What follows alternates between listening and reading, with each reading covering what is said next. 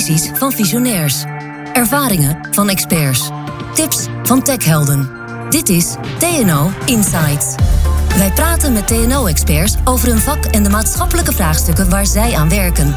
Hoe maken zij werken gezonder? Versnellen zij de energietransitie? Houden zij onze steden leefbaar? En helpen zij bij het beter beschermen van onze militairen? Dit is TNO Insights. Merk jij het ook? De energietransitie is in volle gang. Om zonder kolen, gas en olie toch comfortabel te leven, ons te verplaatsen en niet te vergeten te zorgen dat de industrie blijft draaien. Die transitie voltrekt zich voor velen buiten het zichtveld, maar gaat zeker niet zonder uitdagende vraagstukken. Ik ben Glenn van den Burg en in deze aflevering van TNO Insights gaan we in gesprek over waterstof. Welke kansen en mogelijke oplossingen kan waterstof bieden? En waarom is Europese samenwerking daarbij van essentieel belang? We gaan in gesprek met Noé van Hulst, waterstofgezant van het ministerie van Economische Zaken en Klimaat. Dus we moeten weg een beetje uit die of-of discussie. En veel meer naar wat is handig voor het totale systeem. Wat, wat maakt het meeste sens op een gegeven moment. En wat is ook het meeste kosteneffectief. En René Peters, waterstofexpert en Business Director Gas Technology bij TNO. We hebben drie scenario's uitgewerkt. En de kleinste is dat we 2 megaton CO2 besparen in de haven Rotterdam. En de grootste komt zelfs tot maximaal 10 megaton. Zo. En als je realiseert dat de industrie in Nederland een doelstelling heeft van 14 megaton, Oh, wauw. 14,3, dan is deze transitie een hele belangrijke bijdrage eh, tot 2030 om de ambities te realiseren. Voor vragen na de podcast kun je contact opnemen met René Peters en kijken op tno.nl/slash waterstof. Work today on innovations for tomorrow. Welkom, Noé van Hulst en René Peters. Ja, de energietransitie, daar, daar, daar gaat het ineens heel veel over. Daar hoor je heel veel over. Maar het lijkt wel alsof het, eh, alsof het vanzelf gaat. Dat is vast niet zo. Welke, welke, welke vraagstukken, welke uitdagingen liggen er op dat gebied, René? Nou, de energietransitie gaat ons natuurlijk allemaal eh, raken. En dan heb ik het niet alleen over ons als, als burger, als inwoner, maar ook de industrie, de mobiliteit. Hè. We zien eh, elektrisch rijden opkomen. We zien discussie over het gebruik van gas. eh, de industrie die sterk moet decarboniseren. Dus de energietransitie gaat ons allemaal op allerlei gebieden raken. En we hebben heel lang gesproken over elektrificatie. Wat kan de rol zijn van meer elektriciteit in het systeem? En er zijn heel veel mogelijkheden. We gaan elektrisch rijden. We kunnen warmtepompen in de huishoudens gebruiken. En ook de industrie kan elektrificeren. Maar toch zijn er belemmeringen. Daar komen we dadelijk misschien nog op. Maar eh, waterstof is één van de oplossingen die die belemmeringen, die grote problemen die we hebben in de energietransitie. Er wordt ook wel gezegd het moeilijke deel van de energietransitie. Daar kan waterstof een oplossing bieden. Ja, nou, welke moeilijke dingen zijn dat? Welke, welke dingen zitten er in het. waar we het eigenlijk heel weinig over horen? We horen veel over weer nieuwe windparken, weer nieuwe zonneparken. eh, de snelle groei van zonne, zo- zonne-energie op daken bij iedereen. Maar ja, waar, waar, waar wringt het? Nou, Ja, ik denk, eh, ik denk dat René het al even aanstipte. Inderdaad eh, zie je heel sterk in de discussie dat energietransitie vaak wordt vereenzelvigd met zonnepanelen, windparken en een ja, beetje elektrische auto's. En dan is het allemaal geregeld. En ik denk dat eh, mensen vaak vergeten eh, in het, in het hele debat dat het energiesysteem veel groter is veel groter is dan elektriciteit. Want al die dingen waar we het over hadden, zonnepanelen, wind, elektrisch rijden, gaat allemaal over elektriciteit. En elektriciteit is eigenlijk maar 20% van ons eindverbruik op, het gebied op, eh, op energie. En dat betekent dus er is 80% eh, waar eh, elektriciteit niet aan de orde is. en noem, eens, een voorbeeld om een, om een beeld te schetsen. Nou ja, dat is wat René dus al zei. Dan gaat je het over de industrie. De industrie gaat. en, en, het- en het zwaardere transport. De vrachtwagens, de schepen. De vliegtuigen. De treinen. Heel veel daarvan eh, hebben. Als je daar goed naar gaat kijken, hebben zogenaamde moleculen nodig. En dat ga je dus niet regelen alleen maar via elektriciteit. Kortom, eh, we zijn eigenlijk heel sterk bezig geweest tot nu toe met de, wat ze dan wel noemen de vergroening van de elektronen. Dus elektriciteit gewoon groener maken, duurzamer maken. Maar nu gaat het erom, ja, hoe ga je eigenlijk, waar je nu op dit moment nog heel veel olie voor gebruikt en gas, hoe ga je dat eigenlijk doen? Hoe ga je dat vervangen door meer duurzame alternatieven. En dan komt dus inderdaad waterstof, of zoals het dan heet, groene of blauwe waterstof. Dat wil zeggen, beide waterstof waar je weinig CO2-emissie of geen CO2-emissie bij hebt. Dat komt dan om de hoek kijken als uh, een van de geschikte alternatieven. Ja, dus wat ik, wat ik voor me zie is... Uh, uh, er moeten goederen vervoerd worden van, van de Rotterdamse haven naar Zuid-Europa. Dat gaat met een grote vrachtwagen meestal. Dat is eigenlijk niet op basis van elektriciteit te doen. Als, in ieder geval als energiebron. Het is misschien wel te doen, maar de analyses zeg maar, van de experts, maar dat moet René vooral bevestigen, die geven steeds meer aan dat met name als het gaat over dat lange afstand en zware transport, dat uh, het heel onpraktisch is om daar uh, ongelooflijk zware en grote batterijen in feite in te vervoeren. dan ben je, zoals sommige mensen daar grappend over praten, dan ben je meer bezig met zeg maar, uh, batterijen te vervoeren dan met de vracht die je eigenlijk moet vervoeren. dus uh, waarschijnlijk is het toch uiteindelijk handiger dan om via waterstof, brandstofcellen, dat te gaan regelen dan uh, via batterijen. Dat is zeg maar in ieder geval de tendens op dit moment in de, ook in de internationale discussie en in de analyses van McKinsey en anderen die daar heel diep gaan naar gekeken hebben. Ja. ja, dus als ik misschien nog even aan mag vullen over die, die complexe uh, problemen van de energietransitie. Hè. We zijn, we zijn uh, best wel gestart met transitie met uh, elektrificatie. Maar ehm, duurzame elektriciteit wordt vooral opgewekt in wisselende hoeveelheden met zon en wind. Als de zon schijnt, als de wind waait. Um, en het energiesysteem vraagt natuurlijk continu energie. Het zij elektronen, het zij moleculen. Dus als er steeds meer zon en wind op het systeem komt, moeten we ook dat systeem beter balanceren je moet het elektrisch net stabiel kunnen opereren. En dat betekent dat je ook meer, meer balans uh, nodig hebt in die energieopwek. En misschien heb je uh, later ook veel meer uh, energieopslag nodig om die balancering te kunnen leveren. En dan gaat het niet alleen maar om kort, kortstondige opslag in, batterijen, maar ook langdurige opslag voor verschil tussen zomer-winter of weken dat het minder waait of dat de zon minder schijnt en weken dat er een overschot is, om dat te balanceren. Dus er is behoefte aan grootschalige, langdurige opslag. Er is ook eh, behoefte aan, aan eh, eh, afstand, af, transport van energie over grote afstanden. grote hoeveelheden energie die over lange afstand transporteert zonder te veel verliezen. Dat is een, een eigenschap van moleculen die een voordeel hebben ten opzichte van elektronen. Um, en, Want hoe, hoe, verder je elektriciteit vervoert, hoe langer de kabel is, hoe groter het verlies. Ja, energie transporteren over kabels in, in elektriciteitsvorm geeft meer verliezen dan transport van energie in de vorm van de moleculen. Ik geef altijd het voorbeeld van als we energie willen opwekken met gascentrales uh, met gas uit Rusland. Uh, zetten we dan die gascentrale neer in Rusland en transporteren we de elektriciteit met de kabel naar Europa? Nee, dat doen we niet. We brengen eerst het gas naar Europa en dan ver, ver, vervangen we dat of gebruiken we dat om elektriciteit te produceren. Omdat dat transport over die duizenden kilometers met gas gewoon veel goedkoper is dan transport met elektriciteit. Ja. Dus dat is een belangrijke eigenschap waarom moleculen belangrijk zijn. En de laatste is dat uh, heel veel industrie ook moleculen nodig heeft om producten te produceren. Dus uh, heel veel producten die we in het dagelijks leven gebruiken, plastics, uh, textiel, pharma, is gebaseerd op, op moleculen. gas, maar ook wel olie. En um, ja, die kan je niet met elektriciteit produceren. en daar kan ook waterstof in sommige producten, bijvoorbeeld kunstmest, een hele belangrijke rol gaan spelen. Ja. En ik kan me ook voorstellen dat uh, hoogovens volledig op elektriciteit draaien, dat dat ook wat lastig wordt. Dat klopt. Uh, en ook daar wordt gekeken of waterstof een belangrijke rol kan spelen in de verhitting van het staal en het reduceren van het staal voor het, ja. het verbeteren van het proces. Je hebt nu in Zweden bijvoorbeeld heb je een project dat heet Hybrid. En daar proberen ze voor het eerst dus een, in feite een staalfabriek te maken die geheel CO2-vrij staal produceert. En hoe doen ze dat dan? Dat doen ze dus door ja, de fossiele brandstoffen in feite die nu worden gebruikt, daarvoor volledig te vervangen door duurzame waterstof. Dus daar heb je al zeg maar, het eerste voorbeeld van, uh, van zo'n uh, van zo'n project. En als dat gaat lukken, dan gaat dat natuurlijk een enorme doorbraak betekenen. Dus je moet zo zien, uh, ook voor de discussie is dat denk ik belangrijk. Het is niet een, een of-of discussie.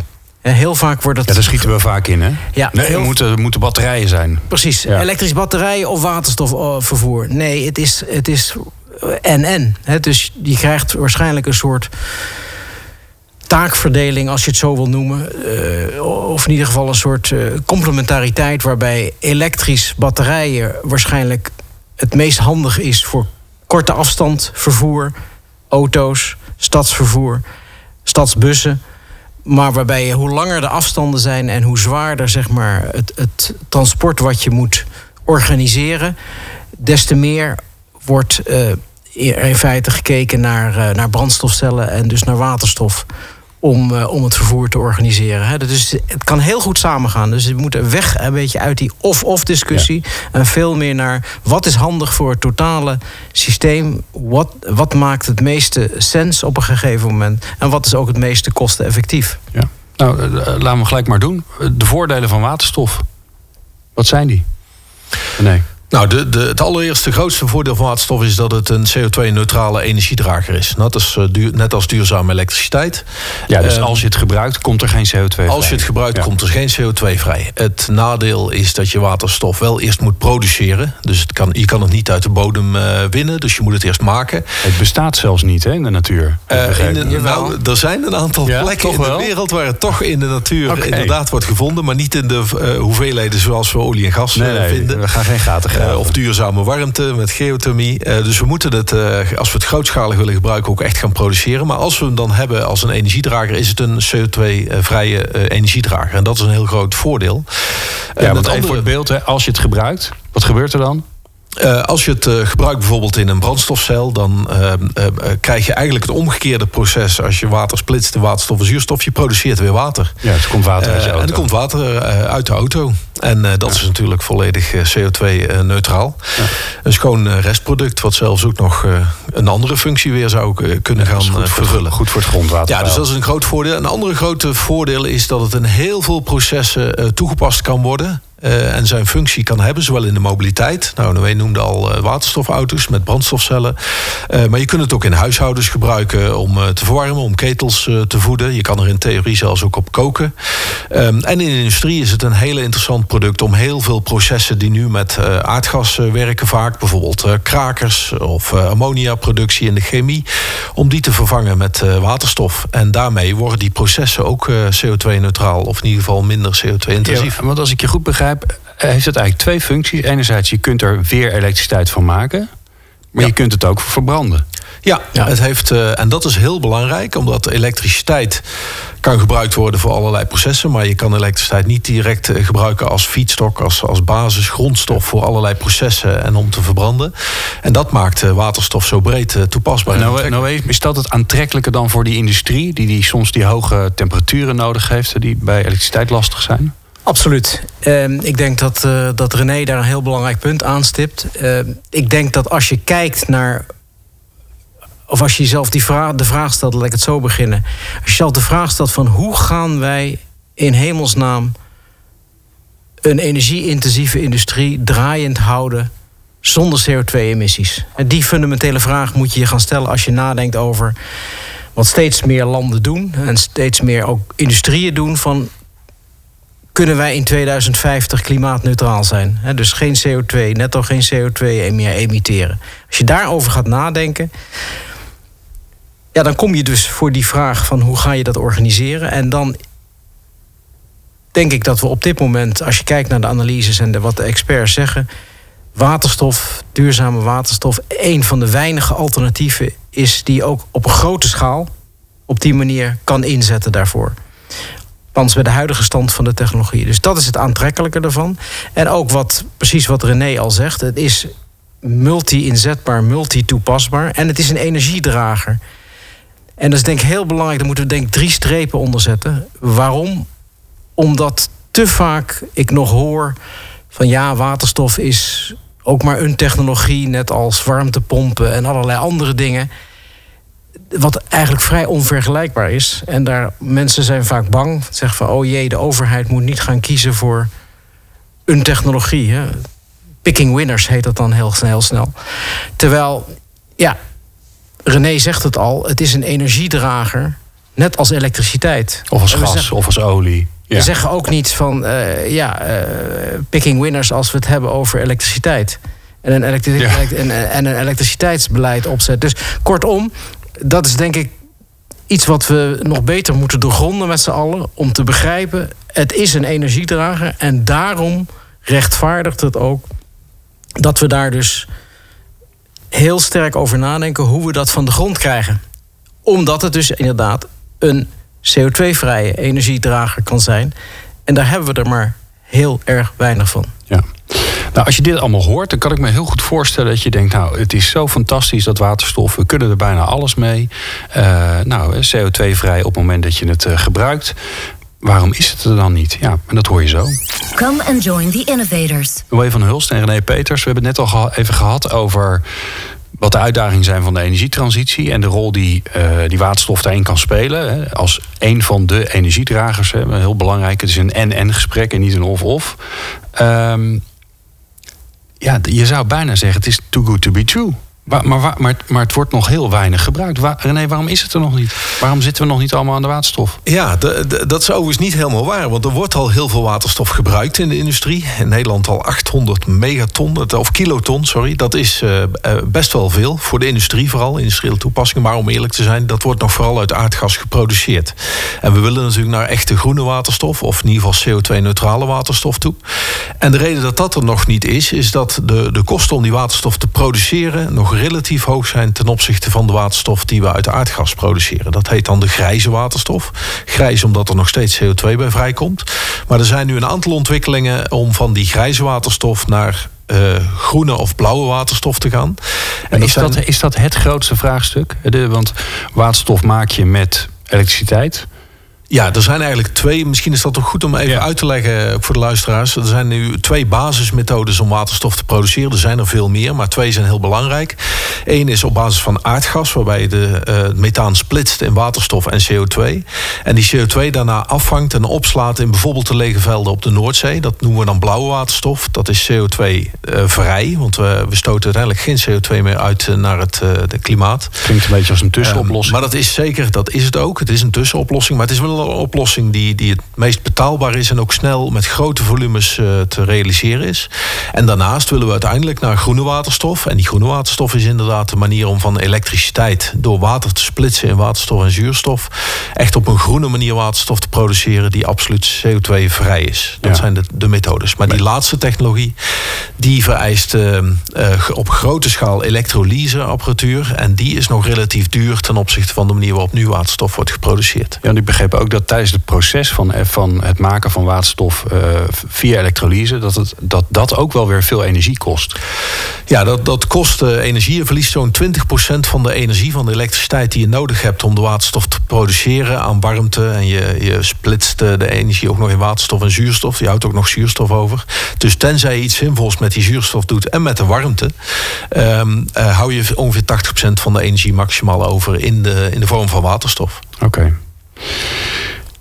Hoe uh, is dat dan? Is dat de, de enige mits of de enige maar die er is? Dus de, de noot die gekraakt moet worden, Noé? Ja, ik denk dat een van de belangrijkste is dus de kosten, het kostenelement. Hè? Want uiteindelijk uh, moet het allemaal betaalbaar zijn.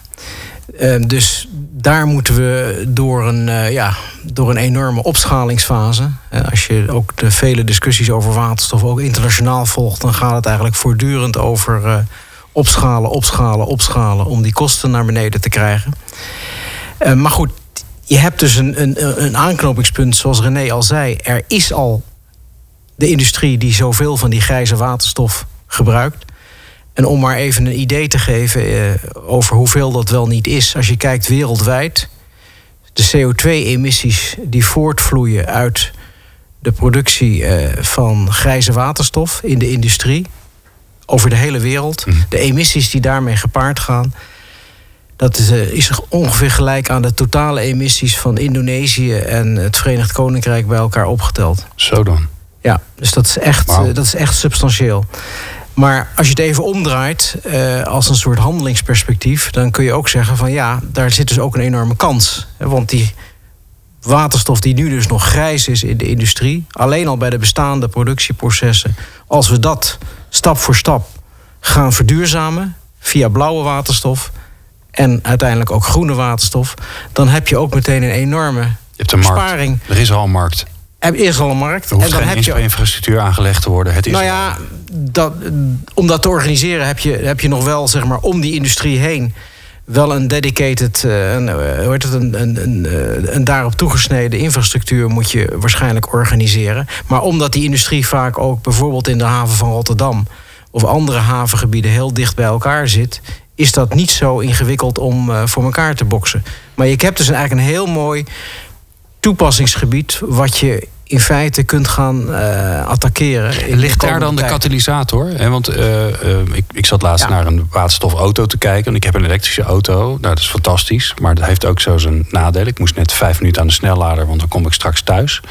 Um, dat voordeel van een waterstofauto is, die kan je gelijk vol tanken. Er zijn alleen, geloof ik, 11, 11 pompen in Nederland. En ik, ik, ik kan nou, iets minder, vrees ik, maar...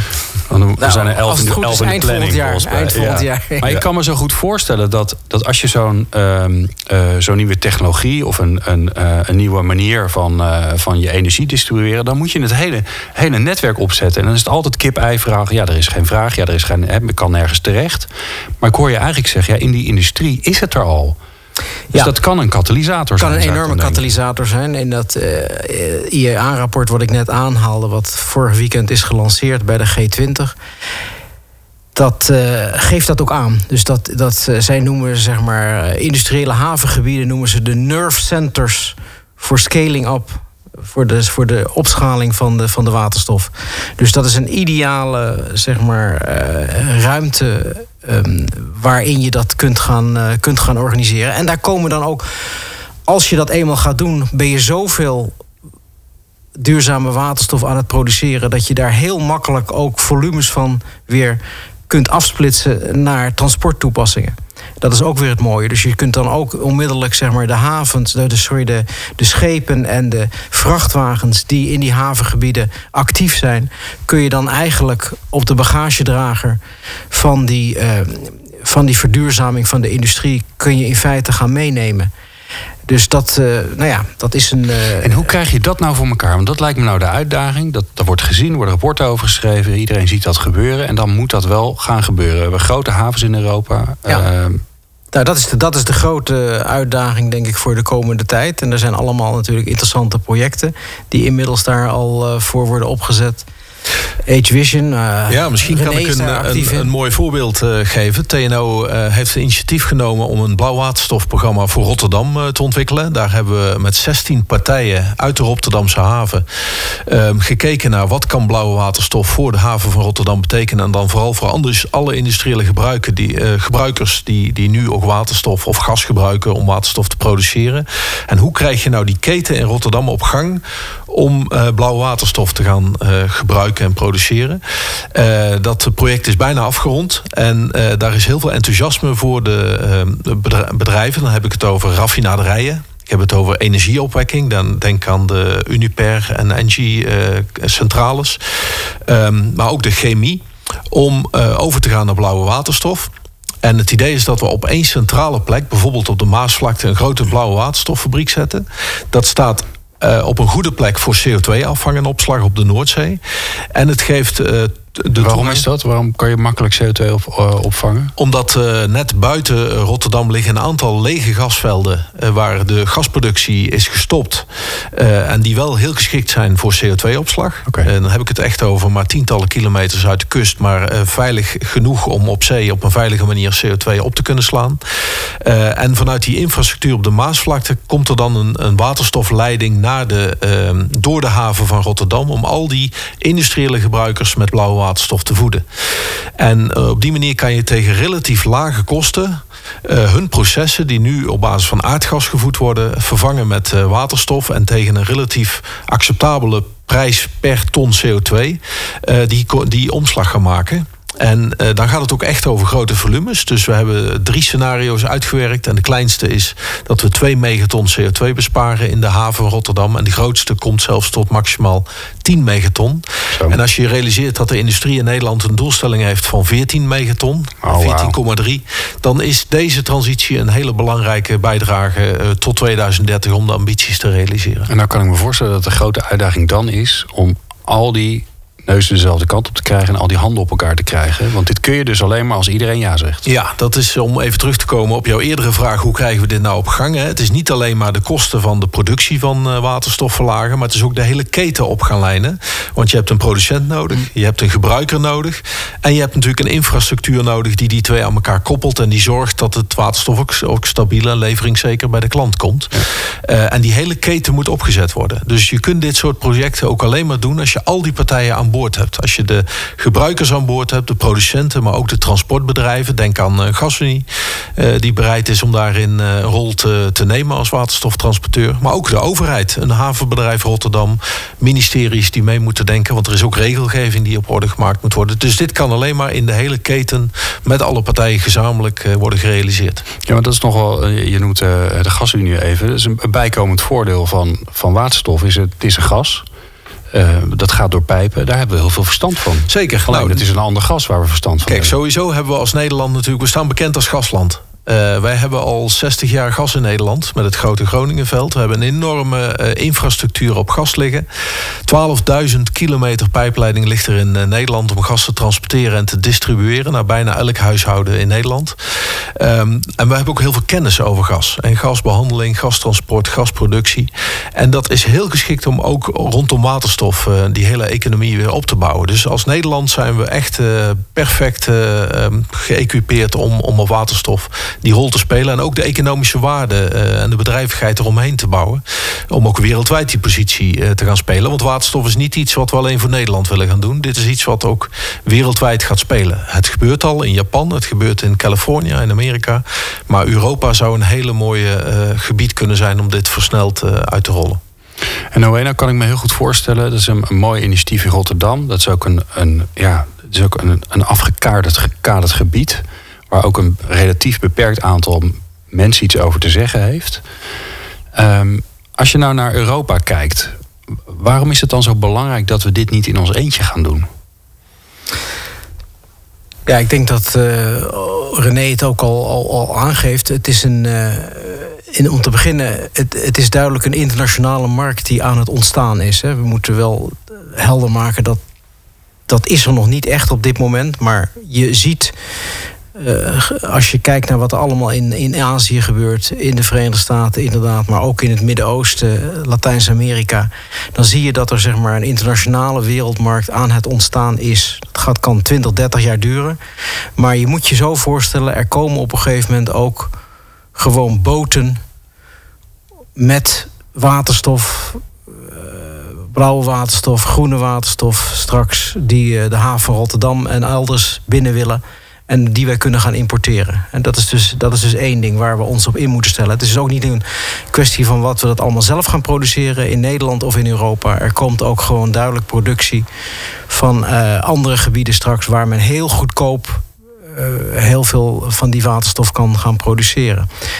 Um, uh, Want ergens in de Sahara zetten ze een, een, heel, een hele goede zonnecollector neer. En daar, daar hebben ze zoveel energie, daar kunnen ze prachtig waterstof maken. Ja, er zijn dus uh, natuurlijk gebieden op de wereld waar, uh, ja, waar je ontzettend goedkoop, heel massaal uh, zonne-energie kunt produceren. Moet je denken aan van onder de 2 cent per kilowattuur. Uh, en ook heel veel, wind, uh, heel veel windgebieden, windrijke gebieden waar je dus ook heel goedkoop kan doen. Op dat moment uh, dat men dat kan gaan produceren op veel grotere schaal dan wat men zelf nodig heeft voor de eigen consumptie, ja, dan doet toch optie zich voor. Doordat je dus nu gaat nadenken over waterstof of van transporteren daarvan, shipping sunshine, zoals ze dat noemen shipping shunts zijn naar de, naar de gebieden waar, uh, waar er minder zon is, zoals bij ons. En waar, wij, waar een industrie is die vraagt om, uh, om groene waterstof en ook om blauwe waterstof.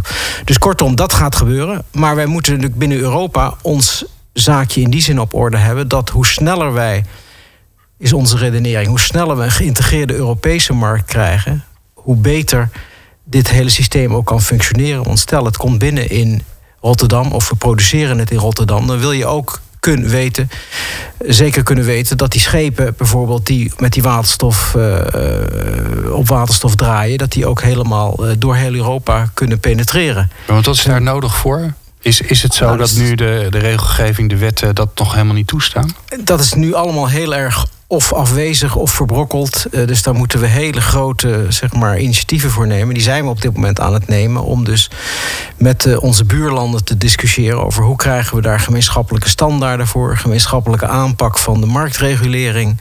Hoe gaan we bijvoorbeeld ook als het gaat om het bijmengen van waterstof in de gasnetten kunnen we daar afspraken over maken dat we dat allemaal op een vergelijkbare manier doen en met vergelijkbare kwaliteitsstandaarden, et cetera, et cetera. Dus er komen heel veel dingen bij kijken.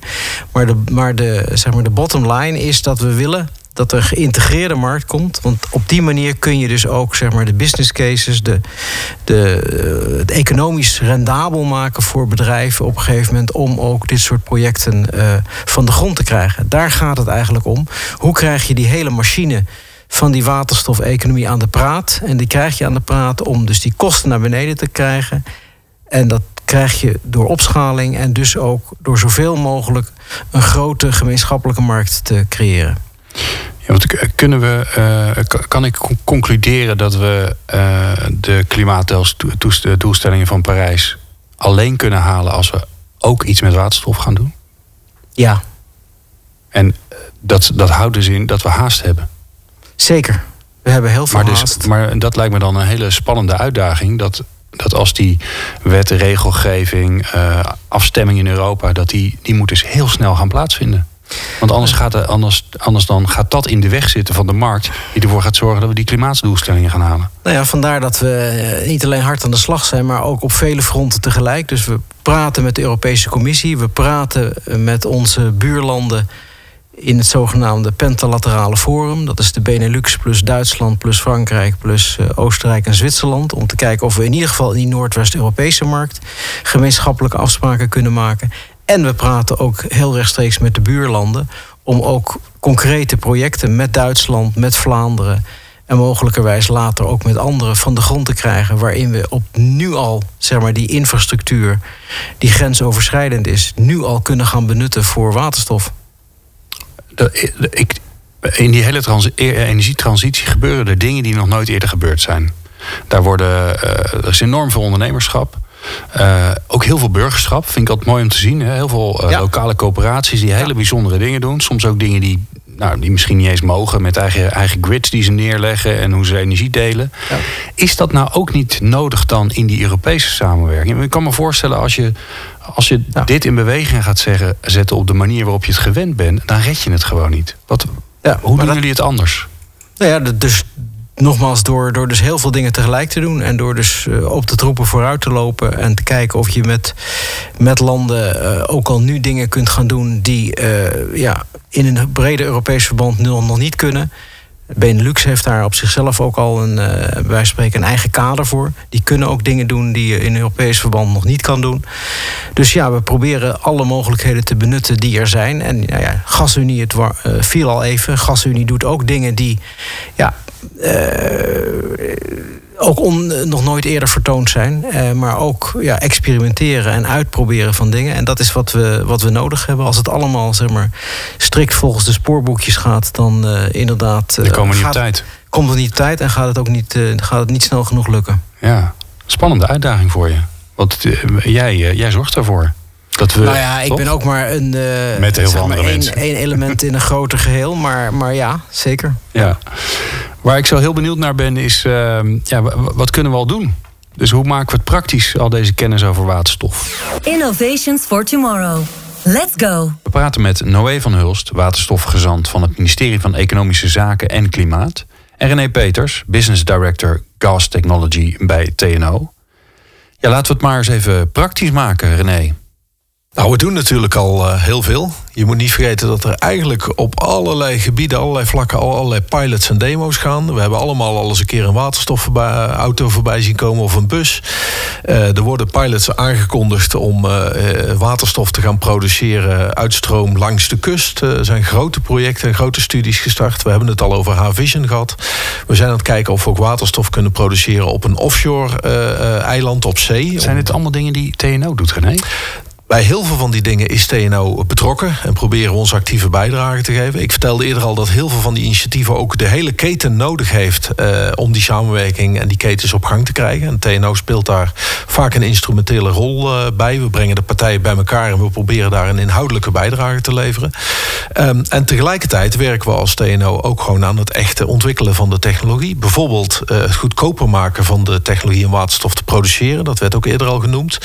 Wij hebben ja, daar valt echt nog veel te behalen. Daar valt als, echt als je dat weet te slechten, dan. Ja, uh, daar valt veel te halen. En dan zeggen ook de fabrikanten dat ze ook uh, nog heel veel mogelijkheden zien voor kostenreductie. Dus we hebben daar ook in, uh, in Petten een, een heel groot, het grootste heb ik me laten vertellen, waterstofonderzoekscentrum van Europa neergezet.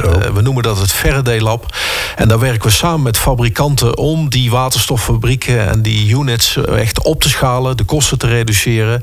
Niet alleen van het bouwen, maar ook het, het, het, het opereren, dus het uitvoeren van die fabrieken. Um, en samen met allerlei gebruikers proberen we daarin pilots en demo's uh, op te zetten. Uh, en dat gaat met de, de gebruiksketen, de transportketen, fabrikanten. Iedereen speelt daar een hele belangrijke rol. En tegelijkertijd wordt er bij de overheid gewerkt aan het ontwikkelen van regulering. Om dingen ook wettelijk te borgen en mogelijk te maken waar dat op dit moment soms nog belemmerend is. Ik kan me heel goed voorstellen dat als je luistert naar deze podcast, uh, dat je de, dan, en stel je voor, je, je, je werkt in de industrie of, uh, of je, je, staat op het punt om een nieuwe auto aan te schaffen. Nou ja, ik, ik kan me voorstellen dat iedereen betrekt natuurlijk weer op zijn eigen wereld. Wat, wat kan je nu al doen? Want het is natuurlijk, het is er nog niet, maar het komt wel. Het is altijd spannend van ja, wanneer stap ik in, wanneer sluit ik me aan, wanneer ga ik me verdiepen. Ja. Nou, wat, wat, wat voor advies heb jij? Voor, voor onze luisteraars? Nou ja, het, het, is er, het is er dus al wel, zoals René zegt, maar nog niet, nog niet heel veel. Dus uh, het, gaat, er gaat veel meer komen. Ik denk dat uh, ja, waar, je ook, uh, waar je ook zit, in welke organisatie je ook zit, denk ik dat je als je daar een onderdeel van wil zijn, dat er altijd mogelijkheden voor zijn. De overheid kan heel veel doen aan, als je in een overheidsinstantie zit, aan via publieke aanbestedingen. Gemeentes, provincies, anderen om te zeggen van nou laten wij eens een keer kijken of we niet wat met, met, waterstofbussen kunnen, met waterstofvuilniswagens, met vrachtwagens, noem het maar op. Um, om, om zeg maar voor een deel dat, uh, dat op, gang te, op, gang te, op gang te brengen. Dus uh, nou ja, auto's hebben het al, uh, hebben het al over gehad. En, en in de industrie natuurlijk sowieso zijn er ook heel veel mogelijkheden. Er zijn ook op voor kleinschalige toepassingen komen er steeds meer hele interessante mobiele waterstofstations. Er zijn bedrijven mee bezig om dat aan te bieden. Die dus ook op een lokaal niveau, in een gemeente als Ede, is een hele zogenaamde milk run project noemen ze dat, waar uh, allemaal uh, midden- en kleinbedrijven in feite uh, ja, aan elkaar verbonden zijn, die in hun eentje niet genoeg waterstof zouden afnemen, maar gezamenlijk wel voldoende, zodat het georganiseerd kan worden dat er in feite, zoals vroeger de melkwagen, maar dan zeg maar de waterstofwagen langskomt om te zorgen dat je ook kan, kan bijtanken, et cetera. Dus er zijn op heel veel verschillende schalen zijn er, zijn er dingen te doen. Er zijn kleine bedrijven die uh, zelf uh, dingen gaan maken, start-ups, uh, bijvoorbeeld in de, in de regio Arnhem en elders ongetwijfeld ook. Dus kortom, ja, overal zijn er wel, zijn er wel mogelijkheden. En wat je, wat je zelf al zei, je ziet dus een enorme dynamiek ook van onderop. Op regionaal niveau, op lokaal niveau. En dat vind ik waanzinnig boeiend om te zien. Hoe dus ja, dat ook ja, tot heel veel nieuwe ideeën en nieuwe projecten leidt. En dat is, haalt dan misschien niet de grote krantenkoppen en het journaal. Maar het zijn wel allemaal bijdragers die uh, super belangrijk zijn. Ja, mooi, dankjewel. René, wat, uh, wat moeten onze luisteraars doen? Wat adviseer je ze?